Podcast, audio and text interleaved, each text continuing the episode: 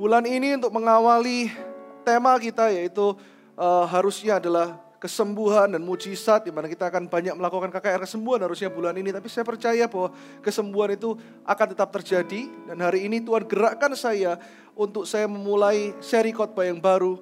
Judulnya adalah The Twelve Spies.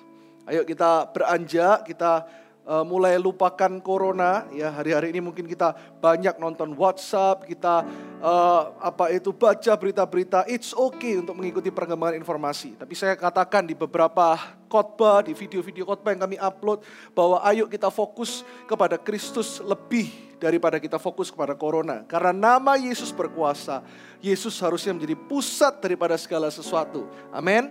Dan seri ini akan berlanjut, jadi minggu ini saya akan khotbah dan uh, minggu depan 12 April kita akan merayakan Paskah. Wow, semua yang di rumah katakan wow. Saya nggak dengar suaranya. Ke mana lebih keras saya katakan wow, haleluya. Kita akan sama-sama merayakan kebangkitan Tuhan Yesus dan saya akan lanjutkan di seri yang kedua minggu depan ya. Nah, seperti Anda tahu bahwa 12 pengintai ini adalah cerita yang sangat populer. Siapa yang masih ingat? Ayo. Tadi pagi anak-anak Anda kan online, online service di Kids Church ya. Tadi pukul setengah sembilan, pukul setengah sembilan atau jam sembilan tadi. Nah sekarang waktunya orang tua dan anak-anak muda dengarkan firman Tuhan. Kita buka dulu di bilangan 13 ayat 1 sampai 16. Saya kasih dulu backgroundnya ya. Apakah uh, cerita di balik 12 pengintai ini? Ya, bahasa kerennya ini mungkin agent FBI, 12 mata-mata. Siapa yang tahu ceritanya? Saya yakin semua tahu. Dan ini adalah bacaan dari Abba. Ayo baca Alkitab bulan lalu ya. Jadi saya percaya semua pasti tahu ceritanya tentang 12 pengintai. Yaitu Yosua dan Kaleb adalah dua di antaranya. Kita baca dulu ya bilangan 13 ayat 1 sampai 16 mohon sabar untuk supaya kita tahu siapakah 12-12-nya ini. Ya, judulnya adalah ke-12 pengintai. Ayat yang pertama, Tuhan berfirman kepada Musa, suruhlah beberapa orang mengintai tanah Kanaan yang akan kuberikan kepada orang Israel. Dari setiap suku nenek moyang mereka, haruslah kau suruh seorang, semuanya pemimpin-pemimpin di antara mereka. Lalu Musa menyuruh mereka dari padang gurun paran, sesuai dengan titah Tuhan, semua orang itu adalah kepala-kepala di antara orang Israel ayat 4 kita baca sama-sama yuk. Satu, dua, tiga. Dan inilah nama-nama mereka. Kurang keras ya. Saya mau Anda lebih semangat lagi. Ya, mulai sekarang ayat yang genap kita baca sama-sama. Setuju? Ya, dengan suara yang lebih keras, lebih semangat lagi di rumah ketika Anda menonton atau di mobil atau di mana pun Anda berada. Ya, saya harap kalau Anda di mobil, Anda tidak ke mana-mana tapi Anda doa keliling. Ya, satu, dua, tiga. Dan inilah nama-nama mereka dari suku Ruben, Syamuah bin Sakur, dari suku Simeon, Safat bin Hori. Dari suku Yehuda, ayat 6, yuk. Kaleb bin Yefune. Ayat 7 saya baca dari suku Isakar, Higal bin Yusuf. Ayat 8 sama-sama dari suku Efraim, Hosea bin Nun. Dari suku Benyamin, Palti bin Rafu. Dari suku Sebulon, Gadiel bin Sodi. Dari suku Yusuf, yakni dari suku Manasye, Gadi bin Susi. Ayat 12 dari suku Dan, Amil bin Gemali. Ini Dan kayak Daniel, worship leader kita. Oke, okay. ayat 13 dari suku Asher. Setur bin Mikael. Ayat 14 sama-sama dari suku Naftali. Nahbi bin Wofsi. Dari suku Gad. Guel bin Maki. Ayat 16 sama-sama sekali lagi yuk. Ayat terakhir 1, 2, 3. Itulah nama orang-orang yang disuruh Musa untuk mengintai negeri itu. Dan Musa menamai Hosea bin Nun itu Yosua. Coba kita lihat. 12-12-nya dipilih sama Tuhan. Jadi intinya gini, 12 juga mewakili 12 suku Israel. Intinya semua orang diberi Tuhan kesempatan yang sama. Di tengah-tengah wabah ini, semua orang yang menonton, Anda diperhitungkan sama Tuhan, namanya dicatat satu persatu. Tetapi apa yang membedakan nanti 10 pengintai dan dua orang namanya Yusua dan Kaleb ini? Kita akan lihat jelas apa perbedaan mereka. Ya, kita lihat dulu sifat mereka. Banyak orang tidak merasa dipilih Tuhan. Makanya mereka tidak mau mendekat sama Tuhan. Ya, yang pertama saya langsung kasih poinnya. Bedanya 10 pengintai dengan dua pengintai yaitu Yosua dan Kaleb adalah ada Tuhan dalam hidup mereka. Yosua dan Kaleb punya hubungan yang intim dengan Tuhan. Mereka bukan cuma tahu, bukan hanya kata orang, mereka cuma bukan hanya dengar dari orang lain tentang Yesus, tentang nama Tuhan Yahweh Allah Israel, tetapi mereka benar-benar kenal Tuhan mereka. Saya berdoa jemaat hari ini Anda kenal siapa Tuhan Anda. Tuhan kita yang kita sembah adalah Tuhan yang tidak akan membiarkan satu helai rambut pun jatuh. Tuhan yang berkata bahwa kita ini adalah biji matanya. Hari-hari ini mungkin Anda khawatir. Kita lihat ya buktinya, apa bedanya dua orang ini. Bedanya dua orang dengan sepuluh pengintai tadi. Kita buka sekarang di bilangan 14 ayat 1 sampai yang kelima. Saya baca di layar. Bilangan 14 ayat 1 sampai yang kelima. Ya, dikatakan seperti ini. Lalu segenap umat itu mengeluarkan suara nyaring. Ini yang sepuluh, ya. Dan bangsa itu menangis pada malam itu. Bersungut-sungutlah semua orang Israel kepada Musa dan Harun.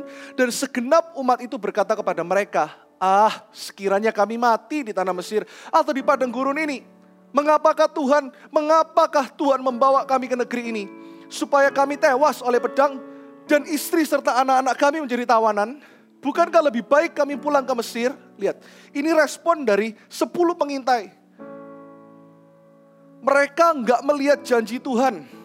Mereka nggak melihat kebaikan Tuhan. Padahal 10 ini dan dua, Yosua dan Kaleb, melihat tanah yang sama, melihat keadaan yang sama, ketika mereka mengintai tanah kanaan eh, ketika itu, mereka melihat orang-orang yang kuat sama, 10 dan dua ini melihat hal yang sama, tetapi responnya berbeda.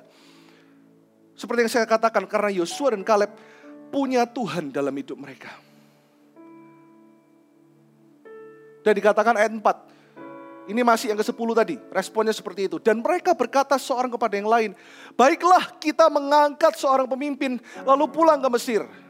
Ayat 5, lalu sujudlah Musa dan Harun di depan mata seluruh jemaah Israel yang berkumpul di situ. Bahkan perkataan mereka adalah perkataan negatif.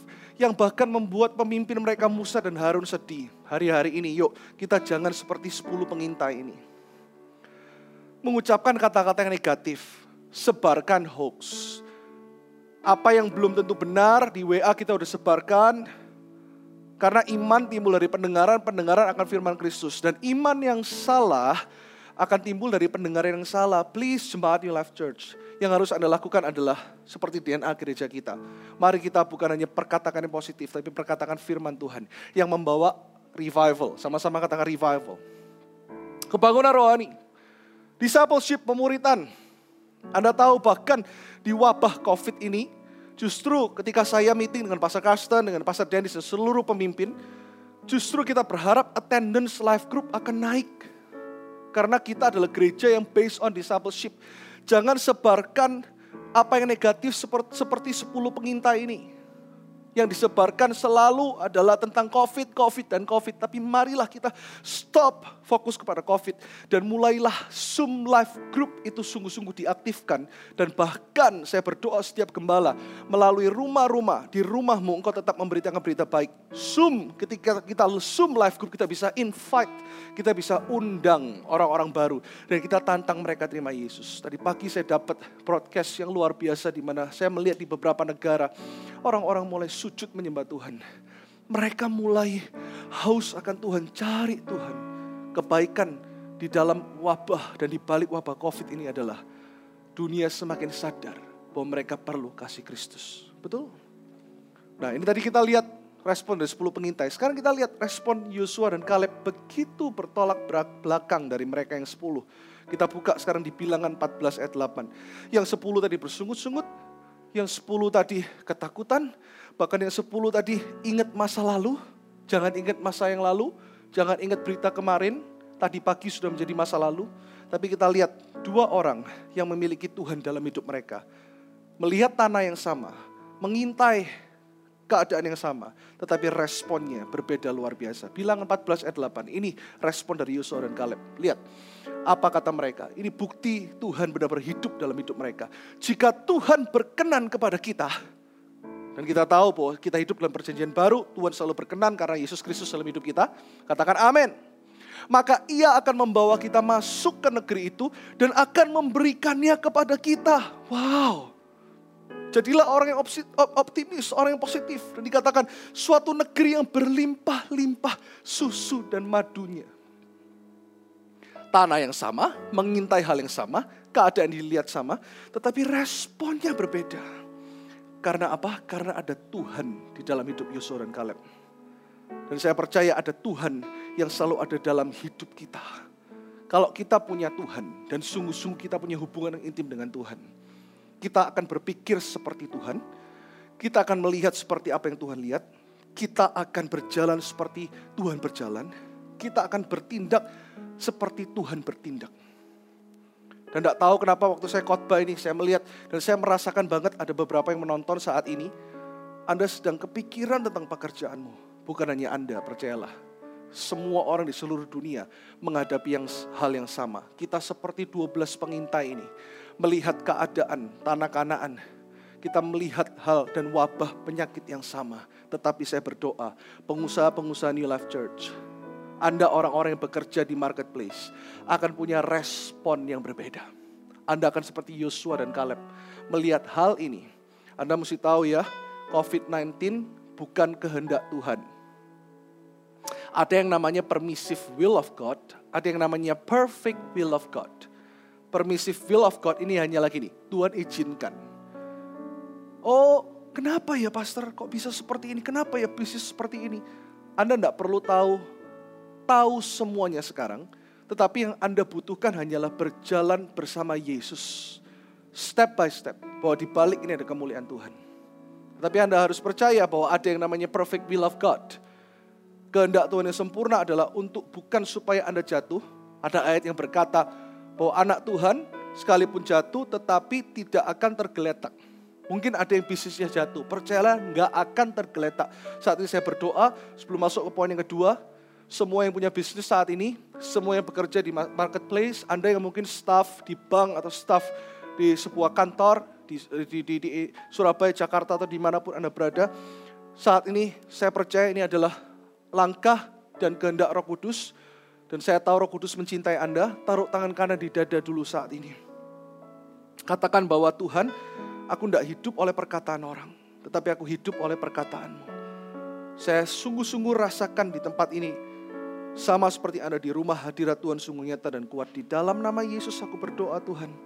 Yang pertama aku cabut dulu pikiran negatif, segala ketakutan di pikiran jemaat dan setiap yang menonton tentang usaha mereka, bisnis mereka. Mereka udah membayangkan bisnis mereka akan kolaps seperti 10 pengintai yang lain. Ini melihat tanah kanaan yang begitu subur tapi mereka tidak bisa lihat positifnya. Saat ini aku cabut segala kekhawatiran ini di dalam nama Yesus Tuhan. Dan untuk bisnis-bisnis owner, untuk mereka juga Tuhan yang sedang memimpin pekerjaan ini, pekerjaan itu. Mereka project manager, mereka adalah manajer suatu perusahaan. Mereka pekerja apa pun itu. Yang bingung tentang gaji, yang bingung tentang ini dan itu. Saat ini diberikan hikmat seperti hikmat Yusuf ketika di tengah kelaparan justru anak Tuhan bersinar. Berdoa saat ini Tuhan jamah, Tuhan jamah dan mulai saat ini nggak ada lagi ketakutan. Aku patahkan segala ketakutan. Di dalam nama Yesus aku lepaskan damai sejahtera Tuhan. Aku lepaskan kasih karunia Tuhan di dalam nama Yesus. Haleluya. Amin. Amin. Kasih tepuk tangan dulu buat Tuhan Yesus. Kasih tepuk tangan yang paling meriah buat Yesus Tuhan kita. Come on, let's shout that He is good. Mari sama-sama katakan dengan saya dari studio dari tempat ini. He is good. Katakan He is good. Haleluya. Kurang keras. Katakan sama-sama He is good. Haleluya. Urapan Tuhan nyata. Kolose 3 ayat 2 berkata seperti ini. Kalau kita punya Tuhan, kita punya hubungan dengan Tuhan, kita sungguh-sungguh kenal siapakah Tuhan kita, kita akan pikirkan perkara-perkara yang di atas. Kolose 3 ayat 2. Kita baca sama-sama. Satu, dua, tiga. Pikirkanlah perkara yang di atas, bukan yang di bumi. Pikirkanlah perkara-perkara yang di atas bukan hanya perkara-perkara yang di bumi. Kalau kita melihat dari atas, pandangan Tuhan selalu dari atas. Kita mungkin lihat, wow, apa COVID ini dengan kedua mata. Dan kita masih nginjek bumi, betul? Bukan? Kita bisa khawatir.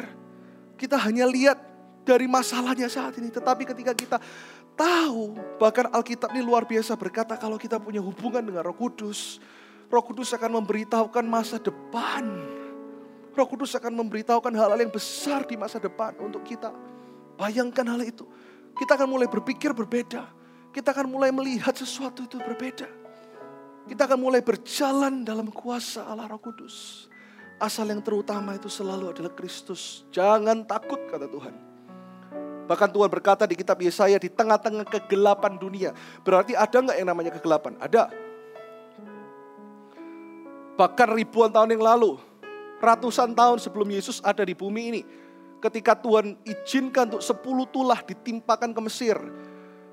Bayangkan mereka jauh lebih rasa takutnya melebihi kita.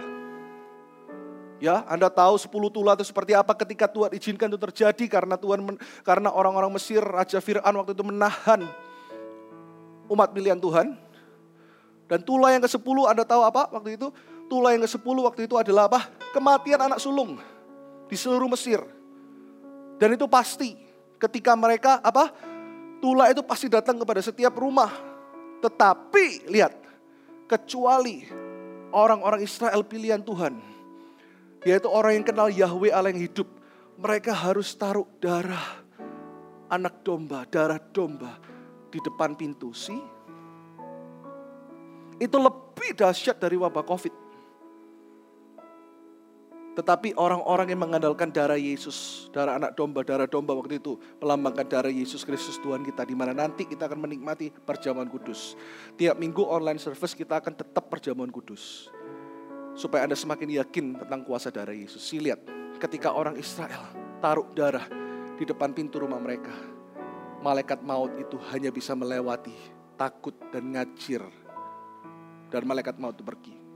Bayangkan waktu itu, mereka di dalam rumah sudah taruh darah dan Tuhan udah bilang bahwa darah Yesus itu sungguh-sungguh berkuasa. Darah anak domba waktu itu berkuasa. Tapi pilihan setiap orang yang ada di dalam rumah. Setiap keluarga waktu itu ada yang khawatir, ada yang mereka makan-makan, ada yang mereka fellowship, ada yang mereka menyembah Tuhan. Sih, Tuhan itu tetap janjinya iya dan amin. Ingat janji Tuhan saat ini. Jangan takut, karena darah anak domba bukan lagi ada di depan pintu rumahmu, tapi darah anak domba dilumuri atas hidupmu. Saya berdoa saat ini yang khawatir tentang COVID sekali lagi. Saya patahkan segala kekhawatiran. Waspada boleh, berikmat harus, care sama orang lain itu kewajiban karena kita anak Tuhan. Tapi khawatir nggak boleh. Di dalam nama Yesus. Amin. Saya cuma kasih dua poin, lalu saya akan lanjutkan poin yang uh, ketiga dan empat untuk minggu depan. Poin yang kedua sekarang. Apa bedanya 10 pengintai dengan Yosua dan Kaleb? Dua orang sahabat yang luar biasa ini. Ya, yang pertama tadi ada Tuhan dalam hidup mereka. Yang kedua, kalau ada Tuhan dalam hidup mereka, mereka itu akan punya, Anda akan punya perspektif dan pandangan yang berbeda dengan apa yang dunia lihat. Katakan sama-sama dengan saya perspektif. Kurang keras, satu, dua, tiga, katakan perspektif. Oke, amin. Perspektif dan pandangan, katakan pandangan ya yang di rumah nonton sama keluarganya lihat keluarganya kanan kirinya mungkin istrinya anaknya keponakannya emaknya engkongnya budenya pak denya ayo katakan perspektif dan pandangan. Satu dua tiga. Perspektif dan pandangan yang berbeda. Ya tepuk-tepuk kanan kirinya. Boleh kalau di rumah tepuk-tepuk. Kalau di gereja ya ketemuan. Sementara nggak boleh salam-salam dan bahkan sementara nggak boleh ketemuan gitu kan ya. Tapi di rumah boleh tepuk-tepuk. Katakan perspektif dan pandangan yang berbeda. Katakan kamu berbeda. Haleluya Lihat dulu ya perbedaannya. Sekarang kita lihat lagi 10 pengintai. Bilangan 13 ayat 25 sampai 29. Ya, bilangan 13 ayat 25 sampai 29 saya bacakan bagi Anda. Sesudah lewat 40 hari, pulanglah mereka dari pengintaian negeri itu dan langsung datang kepada Musa, Harun dan segenap umat Israel di Kades. Di padang gurun Paran, mereka membawa pulang kabar kepada keduanya dan kepada segenap umat itu dan memperlihatkan kepada sekaliannya hasil negeri itu. Mereka menceritakan kepadanya, kami sudah masuk ke negeri, ke mana kau suruh kami, dan memang negeri itu berlimpah, limpah-limpah susu dan madunya dan inilah hasilnya. Lanjut. Hanya bangsa yang diam di negeri itu kuat-kuat dan kota-kotanya berkubu dan sangat besar. Juga keturunan enak telah kami lihat di sana orang Amalek diam di tanah Negeb, orang Het, orang Yebus, orang Amori diam di pegunungan, orang Kanaan diam sepanjang laut dan sepanjang tepi sungai Yordan. Ya, jadi mereka lihat raksasa-raksasa orang-orang besar, mereka ketakutan. Tapi lihat sekali lagi orang yang punya Tuhan dalam hidup mereka punya perspektif dan pandangan yang berbeda. Lihat respon Yosua dan Kaleb. Ya, lihat ini yang dikatakan Kaleb.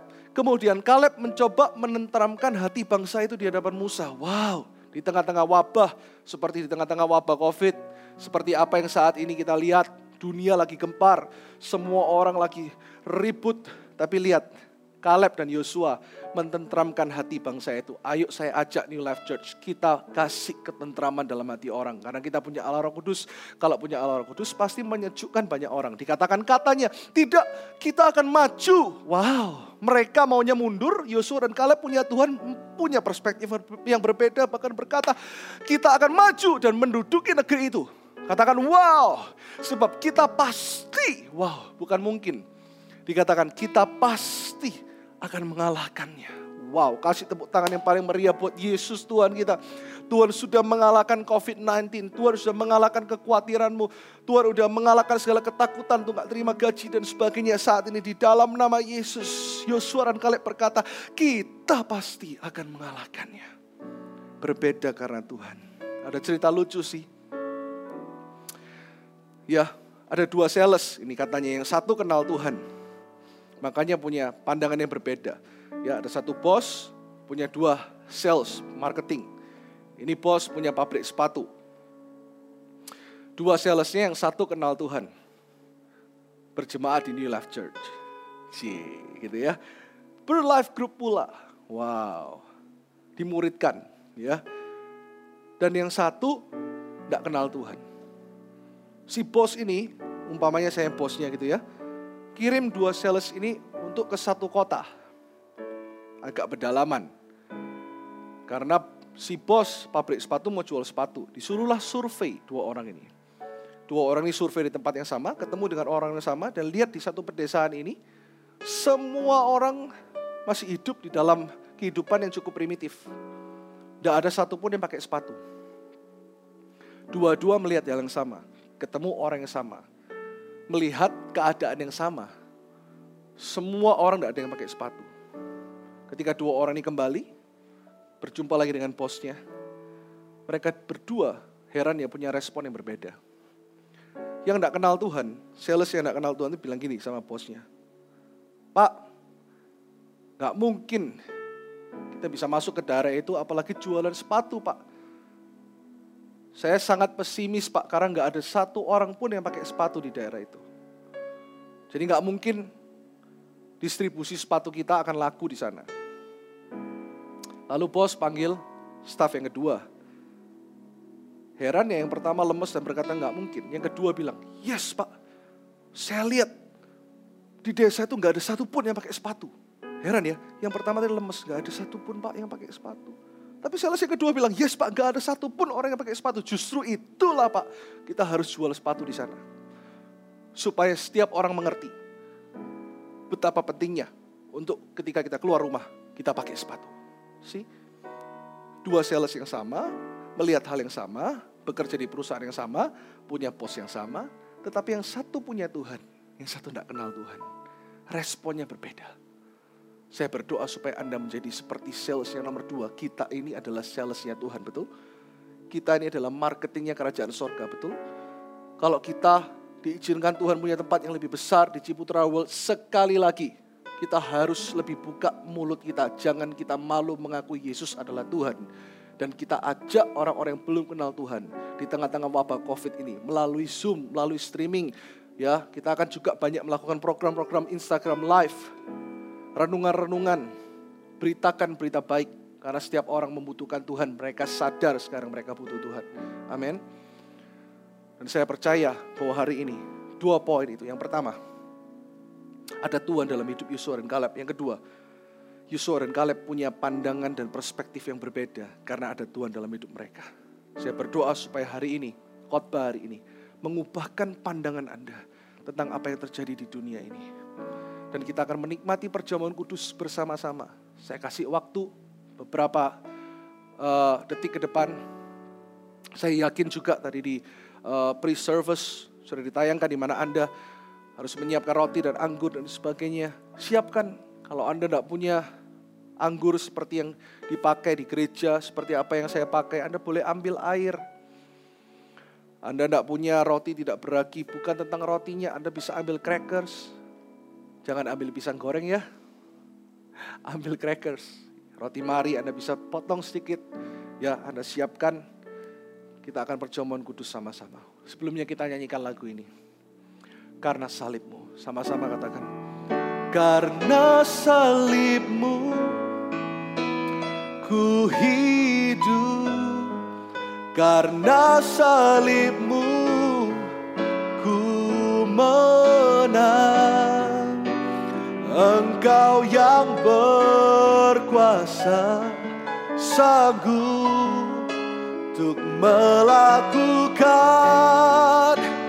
mujizatmu.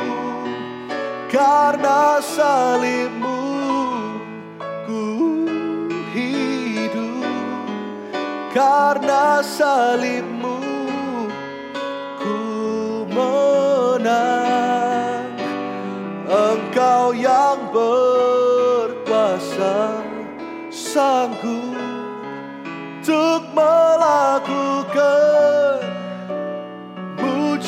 mujizatmu di hidupku. Mari kita angkat roti sebelah tangan kanan kita saat ini. Saya selalu ajarkan mungkin Anda duduk di sofa atau tiduran di ranjang. Ataupun Anda lagi melakukan kegiatan. Mungkin ada yang masak sambil dengerin firman, tidak apa-apa. Tapi saat ini mari kita angkat roti ini. Lebih tinggi dari kepala kita. Kita fokus kepada Tuhan Yesus. Dialah Raja di atas segala Raja, Tuhan di atas segala Tuhan. Dan saya tahu Anda fokus saat ini mendengarkan firman. Anda fokus saat ini di layar kaca. Dan Anda tahu bahwa tangan Tuhan yang berlubang paku itu tidak kurang panjang untuk menjamamu. Kami bersyukur untuk roti ini Tuhan. Yang adalah persekutuan dengan tubuhmu yang membawa kemenangan yang menyembuhkan segala penyakit. Saat ini aku berdoa protection, perlindungan Tuhan atas jemaat New Life Church dan atas semua yang menonton yang bukan jemaat juga Tuhan. Mereka terima pewahyuan bahwa tubuh Yesus, bilur Yesus sudah menyembuhkan batin dan lahir, lahir dan batin. Di dalam nama Yesus kita makan dengan iman. Thank you Roh Kudus. Thank you. Hallelujah. Thank you Jesus. Mari kita angkat anggur di atas kepala kita. Kami bersyukur karena kejadian kami dahsyat dan ajaib. Ada jemaat yang saat ini membutuhkan kesembuhan secara batin lebih daripada fisik. Tuhan mengasihimu apa adanya. Bukan karena kamu ada apanya. Tapi Tuhan sungguh-sungguh mengasihimu tanpa syarat. Dan kami tahu anggur yang kami angkat ini adalah anggur biasa. Tapi kami tahu ini adalah persekutuan sungguh-sungguh saat ini dengan darah Yesus Kristus. Yang sudah mengalahkan segala penyakit. Mematahkan segala kutuk. Dan sudah menghapus segala dosa. Di dalam nama Yesus kita minum dengan iman. Terima kasih Tuhan. Terima kasih Tuhan. Terima kasih Tuhan. Kiana darabashukuri Kirabatu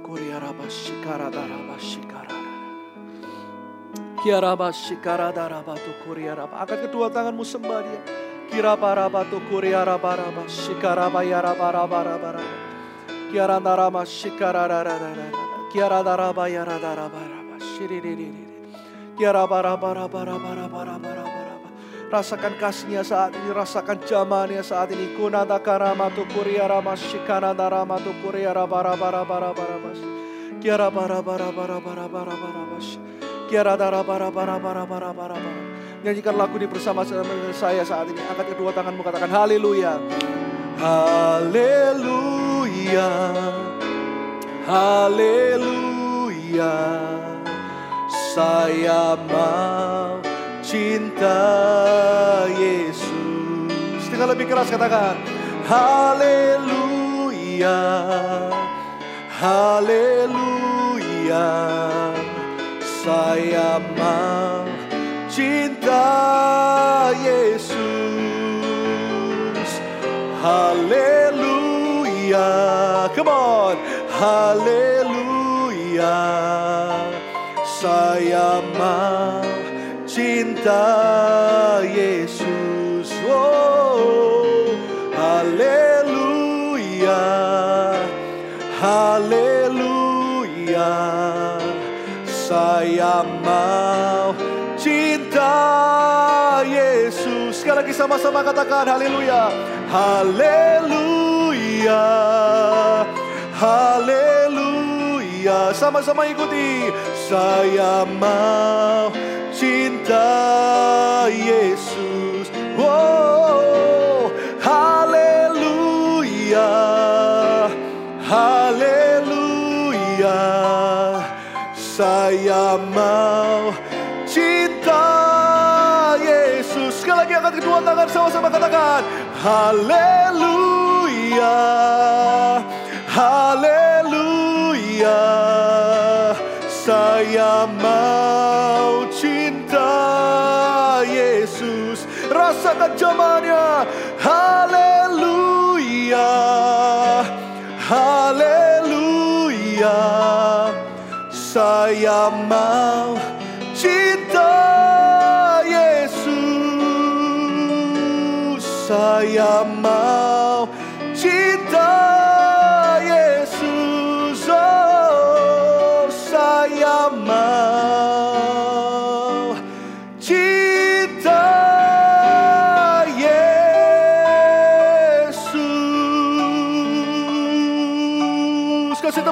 satu menit buat Tuhan, come on. Saya percaya mujizat sudah terjadi. Saya percaya perlindungan Tuhan terjadi saat ini. Saya percaya pewahyuan yang baru terjadi. Saya percaya keberanian dari Tuhan terjadi turun. Urapan Tuhan mengalir dalam nama Yesus. Sekali lagi berbahasa roh yang bisa berbahasa roh. Kira takana masyikira baraba-raba sokuria raba-raba. Kira na na na na na na na na na. Mari kita saat ini berdoa bagi bangsa-bangsa. Kita berdoa bagi dunia ini. Angkat kedua tanganmu sebelum kita terima doa berkat. Come on church. Kira baraba-raba-raba. Shikira na na na na na. Kira bara-bara-bara saya ajak semuanya benar-benar aktifkan rohmu, aktifkan bahasa roh. Kira bara bara bara bara We praise you, we praise you Jesus, we praise you Jesus. Nama di atas segala nama, nama yang berkuasa, nama yang menyembuhkan, nama yang mengurapi, nama yang membebaskan, nama yang mengampuni, nama yang sungguh-sungguh berkuasa. Darah Yesus dan pilur Yesus, tubuh Yesus. Haleluya, haleluya. We love you, Jesus. We love you, Jesus. Saya rasakan sungguh-sungguh hadirat Tuhan mengalir saat ini. Saya melihat ada air mata yang mengalir. Tidak berkata pastor, tidak pernah rasakan ini sebelumnya. Justru ada rasakan di online service. Wow, saya melihat ada mujizat terjadi. Saya melihat ada keluarga-keluarga dipulihkan. Saya melihat ada banyak orang saat ini. Bahkan ada banyak orang saat ini mau terima Yesus. Saya rasakan tuh saat ini. Saya rasakan tuh saat ini. Saya tahu ada jika ada beberapa Anda saat ini yang menonton. Anda tidak yakin apakah Anda sudah diselamatkan. Anda tidak yakin apakah Anda sungguh-sungguh sudah diselamatkan. Saat ini saya minta taruh tangan kanan di dada. Ikuti doa saya. Semua yang ada di kanan kirinya. Tumpang tangan atas dia. Semua saat ini taruh tangan kanan ikuti doa ini untuk dukung mereka yang menerima Yesus pertama kalinya. Sebagai Tuhan dan Juru Selamat. Haleluya, katakan Tuhan Yesus dengan suara yang keras Tuhan Yesus. Hari ini aku menerimamu sebagai satu-satunya Tuhan dan Juru Selamatku. Engkau hidup, kebenaranmu hidup di dalamku.